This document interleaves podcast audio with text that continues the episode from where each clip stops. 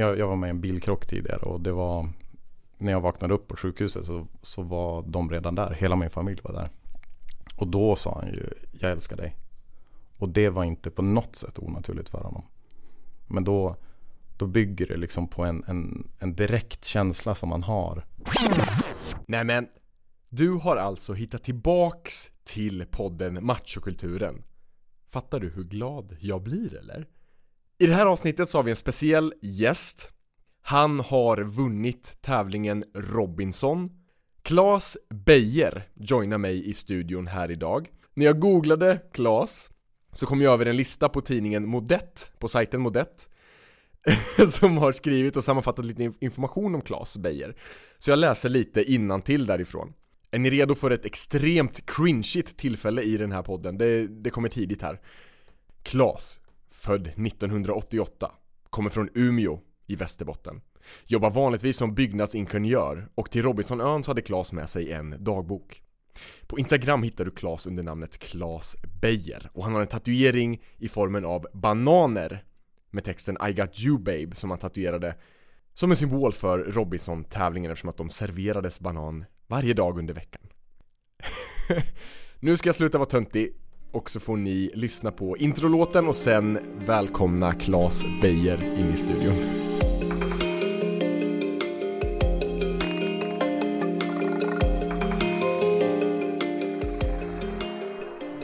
Vilka dialekter kan du härma? Kan du demonstrera lite? Jag kan göteborgska, eh, norrländska, dalmål. Mm. Svårt för skånska. För att det är en helt annan så melodi i det. Eh, hur, och hur, gotländska helt omöjligt. Du bara blow past this. Hur lät det när du försökte göra skånskan då? Får jag höra? På skånskan? Ja. Okej, okay, men nu vet ju alla att jag inte kan. alltså om man härmar Zlatan då kommer man ganska långt. Men... Eh, ja. Nej men, ah, nej men jag kan inte. Jag, jag kan ju, vad ska, ja, okej. Okay. Hallå, jag sitter med eh, Atilda Jollash och eh, softa här i eh, podcaststudion i eh, Kista. Du kan göra bedrägeritelefonsamtal hör jag. Det lät ju som en helt annan person, oh my god. Yes. Det där var ju jättebra ju. Ja, härligt. Hur är det med östgötskan då? Kan du härma våran dialekt? Ja, östgötskan är lite svårare tycker jag för oh att... My eh, fucking god! men det är roligt att vara nere i Skänninge till exempel och, eh, och se rävar som springer där och... ja, det är roligt. Klas Beijer. Är det korrekt uttal? Jajamän. Fan vad nice. Mm. En man med tydligen väldigt många dialektkapaciteter. Mm. Jätteintressant. Kanske eh, man ska ha på CV också, Släng på det. Mm. Jag är så jävla glad att du är här idag. Det ska bli så fint att snacka. Ja, detsamma. Tack så mycket. Vi har ju redan smyghörts lite på chatt. Ja. Jag börjar tvinga dig snacka lite machokultur-grejer liksom. Ja, mm. precis. Det är bra. Aldrig stött på tidigare. Nej, nej, nej. Nej, men eh, det är bra. Men eh, det är så kul att vi gör det här tycker jag. Mm. Ja, det känns så skönt att veta att du vi, vi har ju snackat tidigare, jag vet ju att du bryr dig väldigt mycket om sådana här frågor och att du är väldigt öppen med liksom dina erfarenheter av machokultur. Jag tycker att det är så viktigt och ett jättebra sätt att nå ut till andra, särskilt liksom eh, Du eh, var ju med i Robinson-tävlingen förra året och vann den. Yes. Yeah! Kan vi få en applåd? Vi är fler i det här rummet. jag, jag, jag hjälper till här så det låter som en större applåd. Tack så mycket. Ja, tack. Så jäkla grymt. Och just när man är med i ett sånt sammanhang tänker jag så blir jag så jävla glad när jag ser att så här, särskilt män liksom tar ställning i sådana här frågor. Hur var det, om du vill berätta lite din erfarenhet av Robinson? Stötte du på machokultur där? Hur var det liksom att, att vara dig, att vara Klas som man liksom i det här sammanhanget? Jag tror att vi stöter på machokultur var vi än är. Eh, det handlar bara om att se den. Ibland är den inte så stor, men den finns där och då kanske den finns och liksom arbetar lite i skuggan. Men eh, på ön tycker jag att den, den fanns absolut bland vissa väldigt tydligt. Just det. Bemöttes du, kände du att det fanns förväntningar på dig som man i ett sånt sammanhang? För man kan ju tänka sig så här med Man ska överleva, det är eld, man ska mm. lyfta grejer, göra tuffa utmaningar Det kan ju vara ett, ett sammanhang som klassiskt anses vara så här, nu gäller det att vara macho på många olika sätt Kände du så också liksom? Alltså jag kände ju lite mer i och med att jag varit ute i naturen att jag hade mycket kunskap.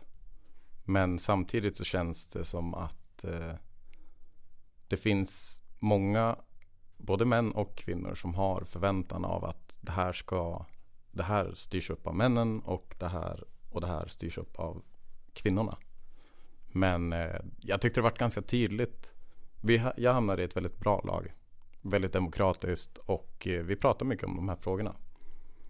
Så det var inte så mycket matchkultur just i lag Nord. Sen efter sammanslagningen då blev det lite annorlunda. Okay.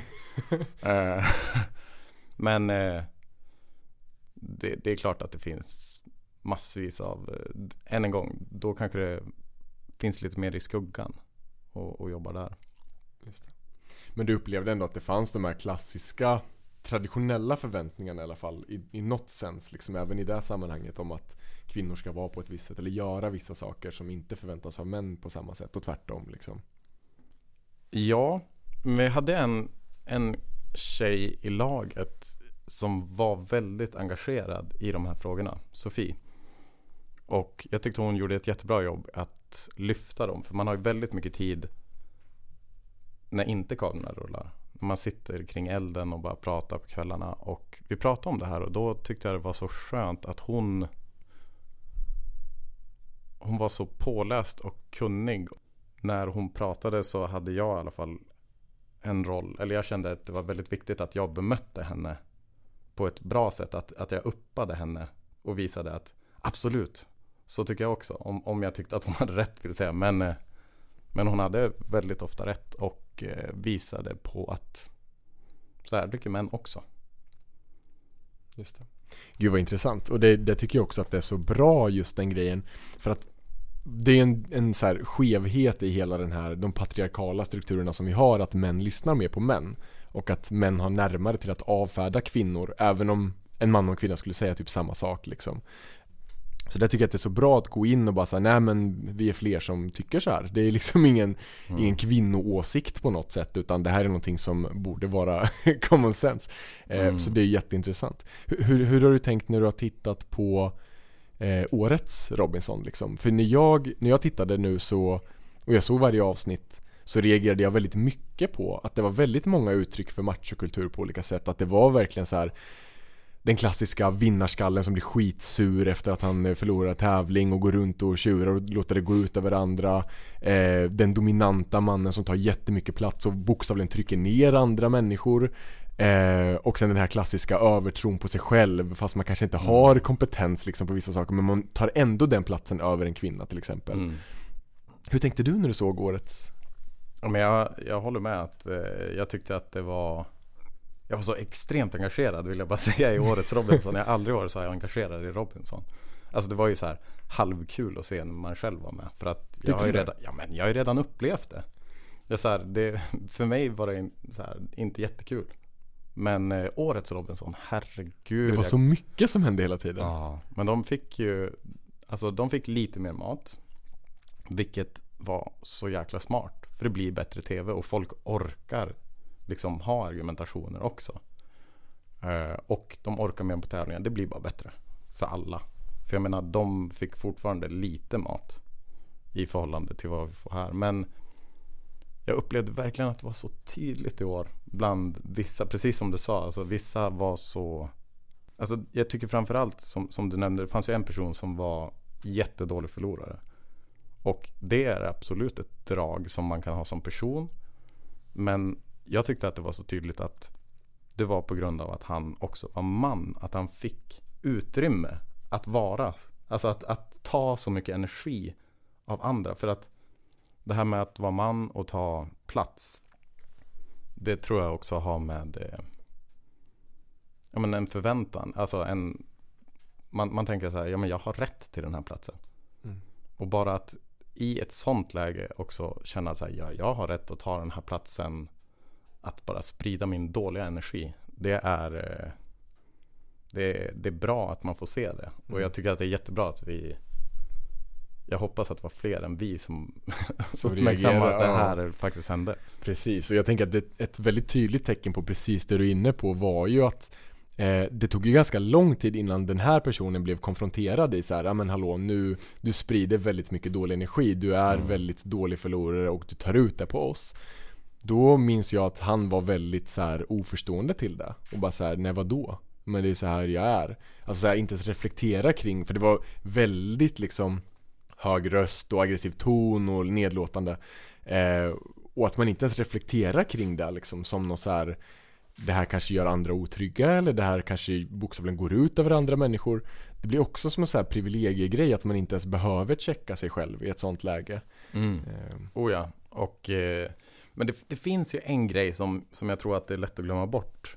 Men som är väldigt viktigt att komma ihåg. Det behöver inte vara, alltså vissa saker, till exempel att, att han kunde ta så stor plats, är ju dels för att han är man.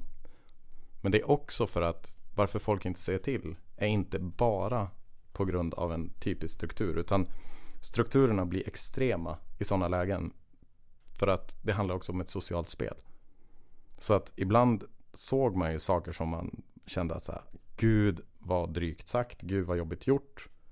Men man sket i att säga till för att det är också ett socialt spel och mm. det är smartare att vara myslampan i hörnet än festens medelpunkt. Så, så det finns en anledning varför folk inte ifrågasätter. För jag tror, jag tror faktiskt, jag hoppas att det var fler som såg det här och kände att okej, okay, jag skulle vilja ta det här, men han gräver bara sin egen grav. Mm. Så att låt han hålla på. Då. Precis, att han kommer förlora tävlingen eller åka mm. ut liksom. Ja. Men sen ja, i, på hemmaplan hade de kanske sagt till. Mm. Mm. Och det är ju också så här, det är ju, det är ju hemskt att det får fort, alltså fortgå. Samma, det fanns en ännu tydligare macho snubbe. En patriark nästan. Rikt, ja, ja, verkligen. Eh, och han fick ju göra vad fan han ville liksom. Ja, precis. Och när, när han sades till då var det bara så här plåtlocket på. Han brydde sig inte. Nej. Och han riktade ju verkligen in sig till stor del på en kvinna också i mm. gruppen. Mm. Eh, som han var på väldigt mycket. Och uttryckte sig i form av shut the fuck up liksom och var väldigt dryg, väldigt elak så. Mm. Eh, I alla fall det man fick se som tittare. Eh, och det var med en sån sak, jag upplevde inte att han på något sätt bad om någon genuin ursäkt eller rannsakade sitt beteende eller någonting i den stilen som kanske hade behövts liksom. Nej, nej, han kände sig, han var väldigt alfa och när ja. den kvinnan han var på väldigt mycket åkte ut, ja då hittade han en annan kvinna. Ja. Sen ett tag hittade han en yngre man som han eh, tyckte tuppade sig då mot honom och, och, var liksom en, att han var en alfa, en utmanande alfahane. Och han skulle visa att han inte har min plats. Och det, jag, det jag tyckte det var så jävla kul för att det var i ett avsnitt då han faktiskt tog åt sig. Det, det var ju när den här yngre killen sa till honom att ja, men jag röstade på dig för att jag ser dig som ett hot. Det var den enda retoriken som han kunde ta till sig. Han bara, ja okej, okay, ja men det köper jag. För att alltså, det var så tydligt att någon här, okej. Okay, det var när någon pratade hans maktspråk. Ja, precis. Och han fick som en för honom en väldigt tydlig komplimang. Att han ja, är störst och starkast och den största konkurrenten. Ja, ja. Och då släppte han allting. Mm. Jag bara säger, ja då, då är det lugnt. Men, men det är klassiskt såhär, vill hävda sig som alfa, vill ha sin rättmätiga plats som konungen i det här lilla riket mm, liksom. Mm, mm, Nej men det är så intressant för det är så skönt att eh, reflektera kring de här sakerna ihop. Och jag tyckte det var så fint när vi gjorde det sist. Eh, när jag hade börjat skriva lite om eh, faderrollen liksom och papparollen generellt och kopplat den till olika maskulinitetsnormer.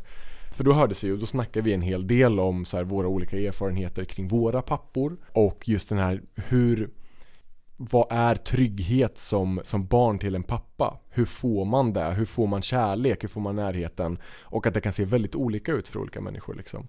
Där tyckte jag det var så intressant. Du delade med dig ganska mycket om hur det har sett ut hos, mellan dig och din pappa när det gäller att säga orden jag älskar dig till varandra. Vill mm. du berätta lite, hur har det varit för er? Min far har väl sagt att han älskar mig. Jag säger väl också, för att jag kan inte, jag kan inte, jag tror att han har sagt det. Men jag vet att han har visat det. Och jag har aldrig ifrågasatt hans, alltså jag har aldrig ifrågasatt hans kärlek. För att jag har alltid känt att den har funnits där. Och han har alltid, ofta så har han nog visat det i praktisk handling. För att det är det språk som han kan. Hur, hur har det kunnat vara? Nej men att han, eh, han har gjort saker för mig. Han har eh, allt ifrån att bygga saker till att liksom hjälpa mig. När jag, jag, jag har flyttat hur många gånger som helst i mitt liv.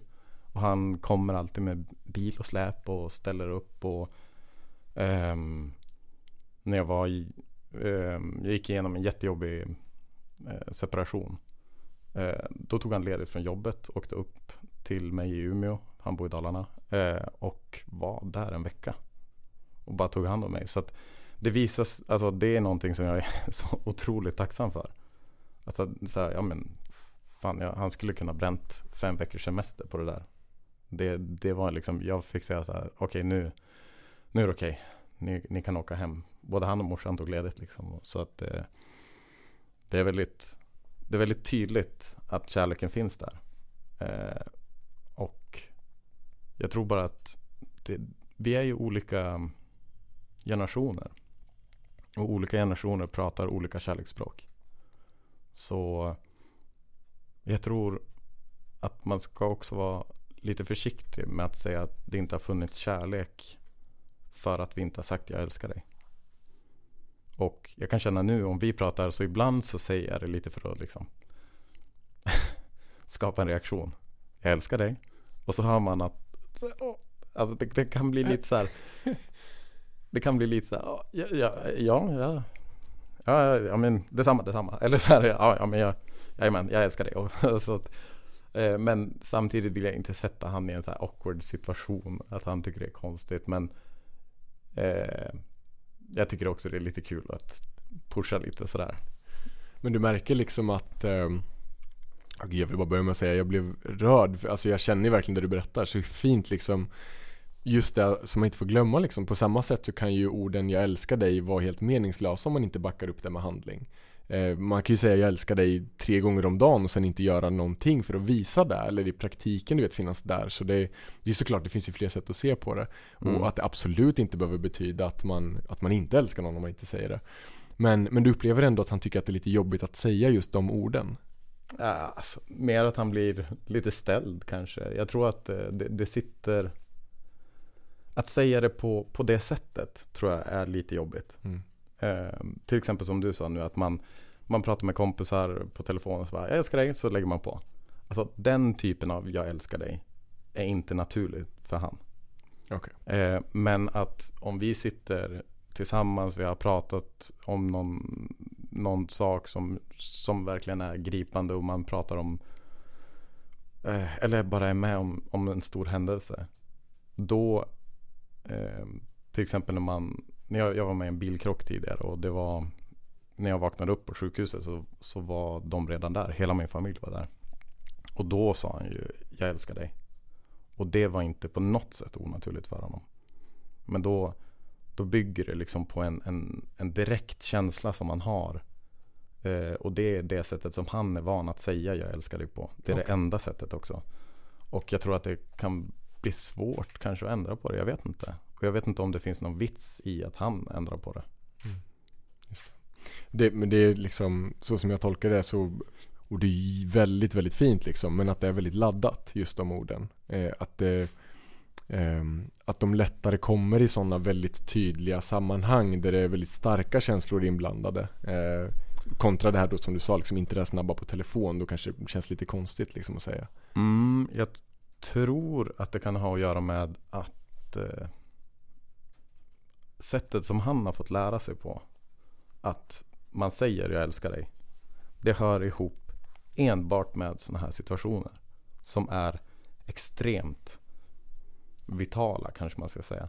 Alltså det finns få gånger i livet som du, alltså det är verkligen så här, okej okay, nu känner jag att det här är en väldigt, väldigt speciell situation. Det river i bröstet på mig. Nu måste jag säga det. Inte bara nu, nu har jag snackat med min son lite här. Jag älskar dig, ha det bra. Det, det händer inte. Okay. Utan det är om jag säger jag älskar dig, då kan han ja, sådär. Men som sagt, jag har aldrig känt att, att han inte älskar mig bara för att han inte har sagt det. Just det. Det är ju det är väldigt intressant för många, många killar och män som jag har pratat med som eh, som säger just det där att för mig spelar det ingen roll för jag vet att vi känner så. Eh, de, har, eh, de flesta av dem har dock aldrig hört det. Alltså de har inte sagt det till sin pappa och de har aldrig fått höra det från sin pappa. Men de säger ändå att jag vet, alltså vi känner det ändå. Eh, men de, de allra flesta som jag pratar med, jag gjorde som, det här är ju liksom ingen vetenskaplig studie som jag har gjort på Instagram Men jag gjorde en sån enkät bara mm. och ställde frågan rakt ut har, har din pappa sagt jag älskar dig till dig? Eh, och då var det inte långt ifrån hälften som svarade jag har aldrig fått höra det från min pappa. Eh, vissa av dem sa liksom så att för, mig, för, för, oss spelar det ingen roll för vi har varandra nära. Men för många så var det verkligen så här, jag känner att jag hade behövt höra det eller velat höra det mm. för att pappan kanske inte var så bra Eh, som din pappa varit, som, som vår pappa, jag och min, min syster är här också Jenner. Som vår pappa varit på att säga och visa liksom. Eh, så många känner att så här, de har känt sig nästan otrygga emotionellt liksom osäkra kring hela relationen till sin pappa för att de inte har fått höra det där liksom. Nej precis. Eh, jag pratade faktiskt med min far om det här för jag tänkte så här, ja okej. Jag ska hit, eh, gästa din podd och prata om det här. Och hur jag och min far pratar om det här. Då är det ju ganska logiskt att jag ringer min far och pratar om hur pratar vi om det här. För att få hans bild också. Eh, och han höll med i mångt och mycket att så här, nej men jag, jag, jag, är inte van att säga det på, på det sättet. Berättade han någonting om, eh, alltså om din farfar? Om hans pappa sa jag älskar dig till, till honom? Eh, han har aldrig hört det. Han har aldrig hört det? Nej, men han kände att den ändå fanns där, kärleken. Men det var väldigt eh, Jag tror också att min farfar var väldigt eh, sargad av, av, sin uppväxt. För han blev ju Han var ju på barnhem och blev liksom misshandlad av sina mm. eh, vuxna förebilder. Och alltså på den tiden att bli satt i barnhem var eh, Var ganska tufft. eh, det är fortfarande tufft säkerligen. Eh, men det var väldigt mycket fysisk misshandel. Så att det var det språket som han kände till då. Mm. Så, så för honom att säga jag älskar dig till ett barn, det, det tror jag bara var väldigt Det var, det var en helt annan värld mm. För det, just det där, det är så intressant och så sorgligt att det är många som delar den typen av erfarenheter. Många som jag har snackat med just om den här frågan, så här, om deras pappa eh, och i sin tur farfar då. då eh, de allra flesta säger just det att men min pappa fick aldrig höra det från sin pappa. Eh, och att det är någon form av spiral där som gör det Antingen, eh, hos de flesta verkar det som att det har blivit svårare då Att säga såhär, men jag fick aldrig höra det från min pappa så då, det är väl en sån grej. Man ska inte säga det som pappa till sitt barn. Det är väl det jag upplever att de flesta har, om man har en sån erfarenhet. Men sen finns det några som bara såhär Nej vet du vad, jag tänker inte bli som min pappa. Jag ska säga till mina barn varje dag Att jag älskar dem. Mm. eh, Och att det blir som en form av motivation till såhär, jag kände faktiskt att det här blev otryggt på grund av det. Och eh, med ett sånt enkelt medel med några ord och handlingar såklart så kan jag motverka det hos mitt barn liksom. Mm. Eh, och jag känner liksom bara den grejen av att det är många som också motsätter sig med att man urvattnar begreppet om man säger det för mycket. Och då försöker jag blicka tillbaks. Jag och, jag och min syster har fått höra Jag älskar dig från min pappa varje dag. Eh, både på svenska och på turkiska liksom. Eh, och han har varit väldigt noga med det. Mm. och alltså när man, när man är liten så kanske man inte reflekterar kring det. Det blir ett privilegium i sig att vi är vana vid den tryggheten. Men nu när man kommer upp i åldrarna jag börjar prata med andra män som bara, nej jag har aldrig hört det från min pappa. Eh, och jag skulle inte känna mig bekväm att säga det till honom heller på grund av det. Då blir det, så, det blir så konstigt för mig att greppa det för att jag, det är så, jag är så van vid, den, vid de orden liksom. Eh, mm. Och de är, de är inte så laddade liksom i vår familj. Det är någonting som är tryggt och fint liksom. Och, och blir som ett starkt medel bara i sig. Men det, det, är också så sorgligt att det är många som saknar den erfarenheten helt och hållet. Eh, och enligt forskning och studier som finns idag så är det så här Generellt brukar det vara liksom frånvarande fäder men också emotionellt frånvarande. Mm. Att det kan orsaka och i mångt och mycket orsakar en känsla av övergivenhet, otrygghet och att det är svårare att knyta relationer till andra människor när man växer upp. Om man känner eh, den här emotionella frånvaron från en pappa till exempel. Så det är ganska viktiga saker liksom att åtminstone reflektera kring. Om man, det är fine om man känner så här, men de där tre orden är för laddade för mig. Mm. Eh, eller att man vill använda dem ibland. Men att visa det borde ju definitivt vara liksom en premiss. Ja, det tror jag verkligen. Och alltså, vi bor ju mer eller mindre i ett känslomässigt urland. Mm. Kanske jag ska säga. Ehm, jag tror att absolut att känslorna finns där men vi är bara inte vana att prata så jättemycket om det. Och just nu, min generation, väldigt många föds in i någon slags medelklass. Och hamnar liksom högst upp på den behovstrappan. Vi har bara självförverkligande att göra. Och helt plötsligt så har vi också tid att fundera på de här. Vi behöver inte liksom ut på fältet och plocka potatis. Så vi har liksom tid att prata om det här och det är skitbra. Eh, men sen det här med inflation av ordet. Jag tror att den risken finns nog bara om vi låter ordet ersätta handling. Ja, precis. Mm. Eh, annars tror jag att det alltid finns Förut kanske det fanns ett sätt att säga det på. Eh, nu finns det ju flera. Alltså till exempel så kan man avsluta ett samtal med Jag älskar dig. Det betyder ju inte nödvändigtvis samma som om man sitter två och två. Det är jätte liksom, tydlig stämning och så kollar man den andra i ögonen och säger Jag älskar dig. Det kommer alltid väga tyngre. Men det är bra med en liten reminder. Sådär. Mm, mm. Brukar du säga det till eh, killkompisar? Absolut. Du gör det? Ja. Hur var det liksom första gången? Eller har det varit helt naturligt att ni har sagt så till varandra? Mm.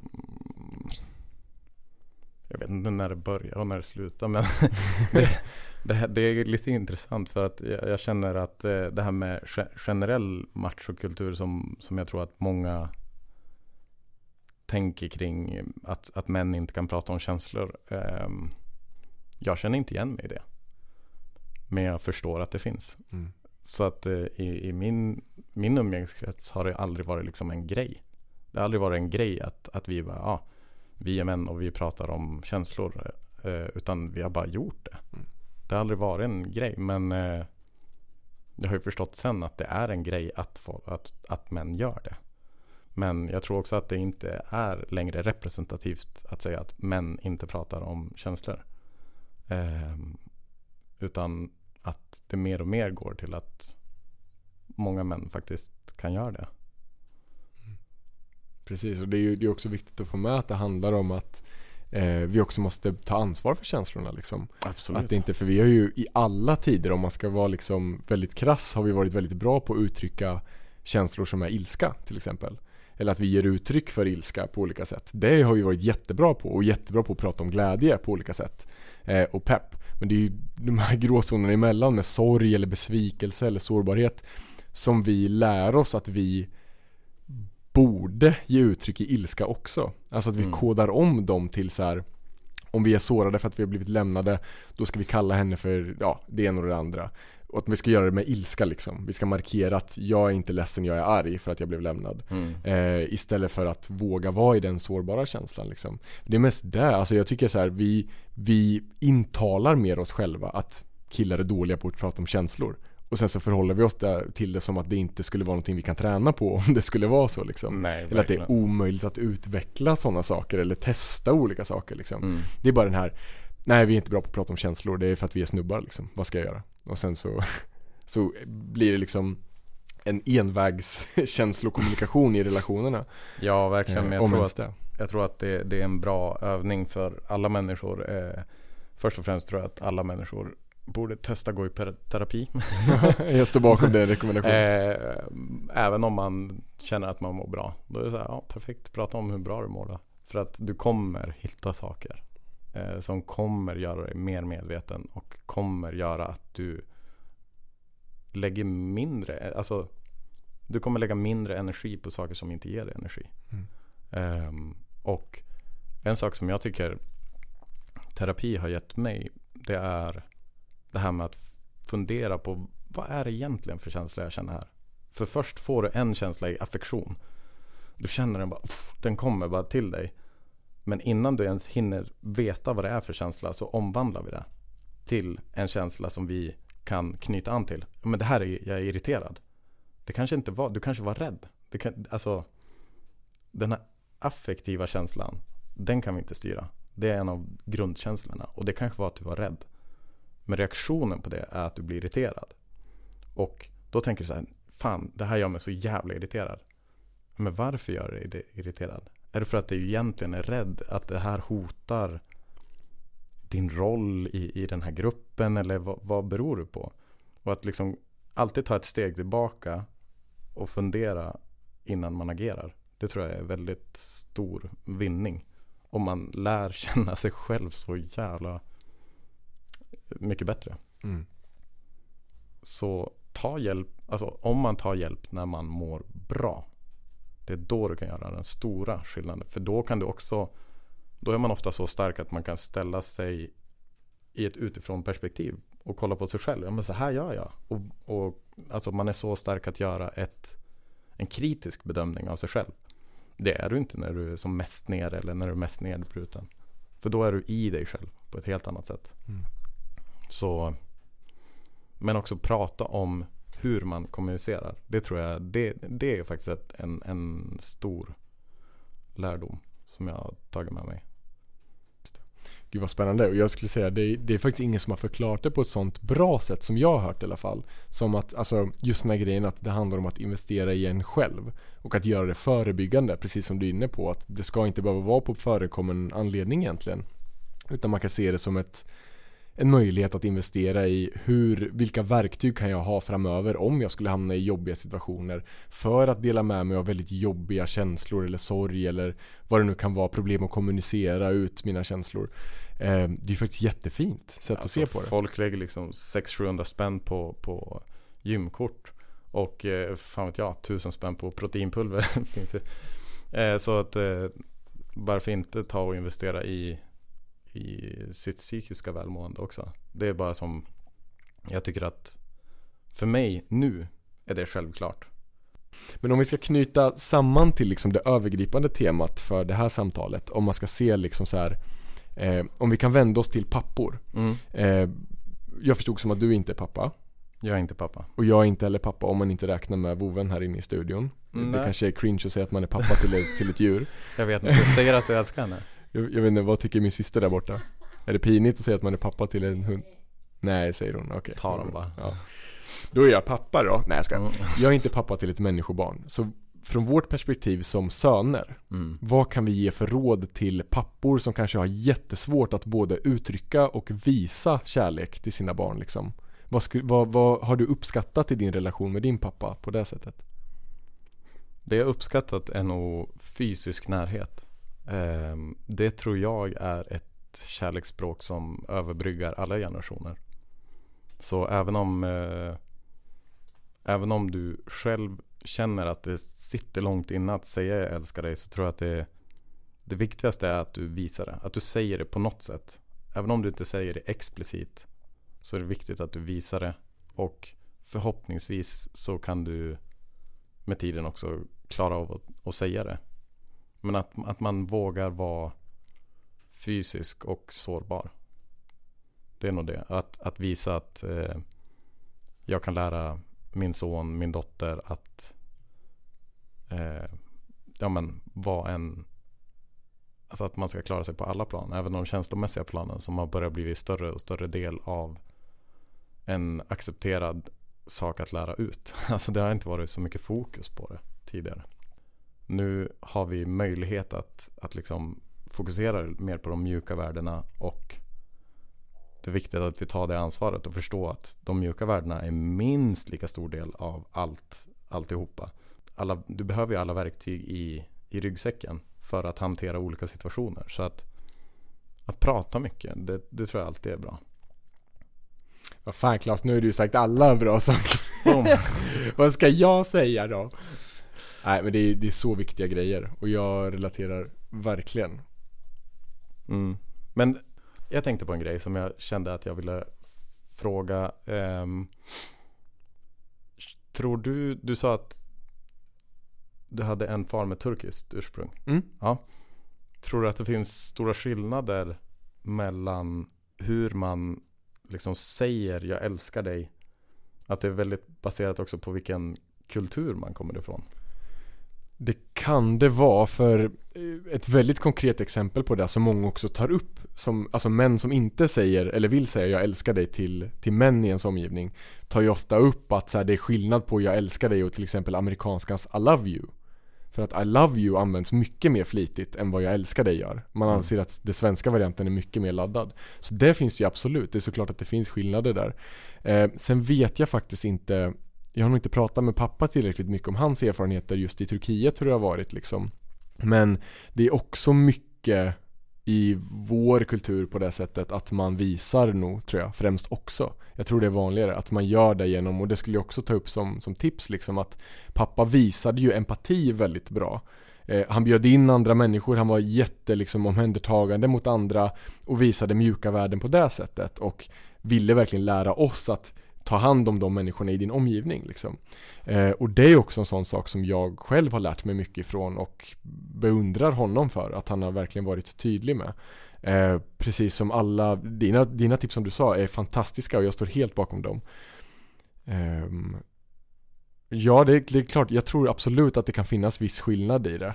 Eh, men det är också svårt, jag tänker så här i en generell analys av det sociala i Sverige kontra hur det är till exempel med vår släkt i Turkiet så är det ju den svenska kulturen enligt min tolkning som utböling, nej jag eh, är ju mer distans och mer inte närhet som värderas högt liksom. Och man ska ha sina individuella liksom personal spaces mm. och det är inte riktigt samma närhet så rent fysiskt.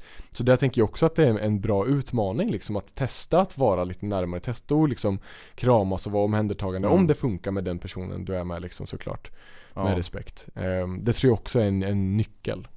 Ja, verkligen. Eh, och eh, jag, jag, tänker mig att eh, det är svårt också att sitta här eh, som, som en icke-far och mm. ge mm.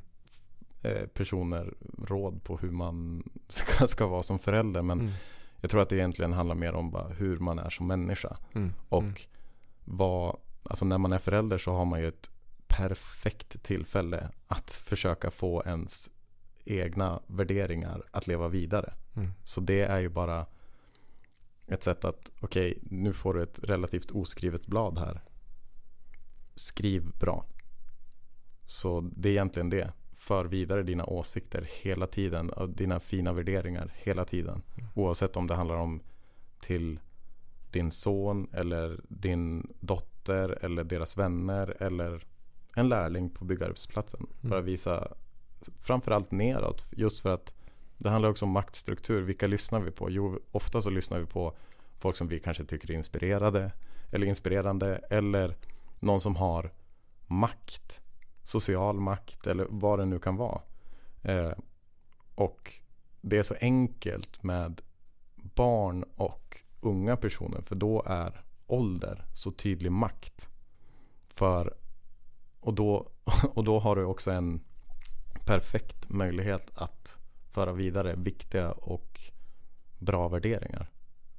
Jag tänker att när vi delar med oss så hoppas jag att den som lyssnar ändå kan känna liksom att du har, du har all rätt att ta upp sådana här saker med din pappa. Och om du känner så här, fan jag hade velat höra jag älskar dig, jag förstår inte varför han inte har gjort det. Och att det kanske har lett till att man börjar ifrågasätta, men älskar verkligen min pappa mig? Tankar som många går runt med att man kan ta det snacket med honom och inte behöva vänta på att han ska ta det steget. Och att man då kan påtala så här, men alltså jag vill att vi ska vara nära, jag vill att vi ska hitta på de här sakerna. Jag skulle uppskatta om vi kan prata om sådana här saker oftare.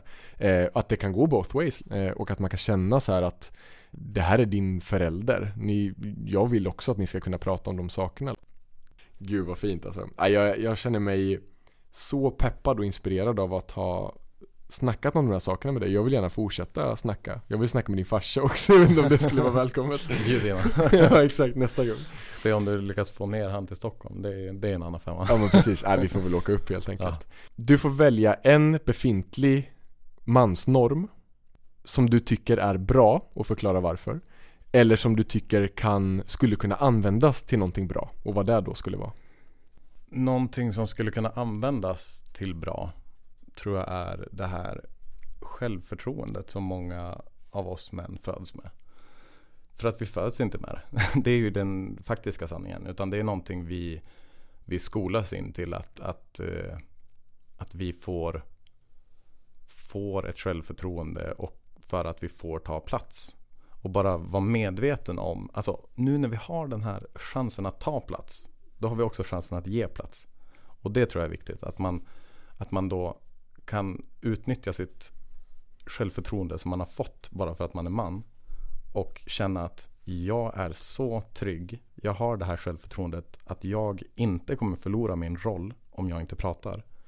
Och också då se att jag har en plats och kunna ge det till andra personer.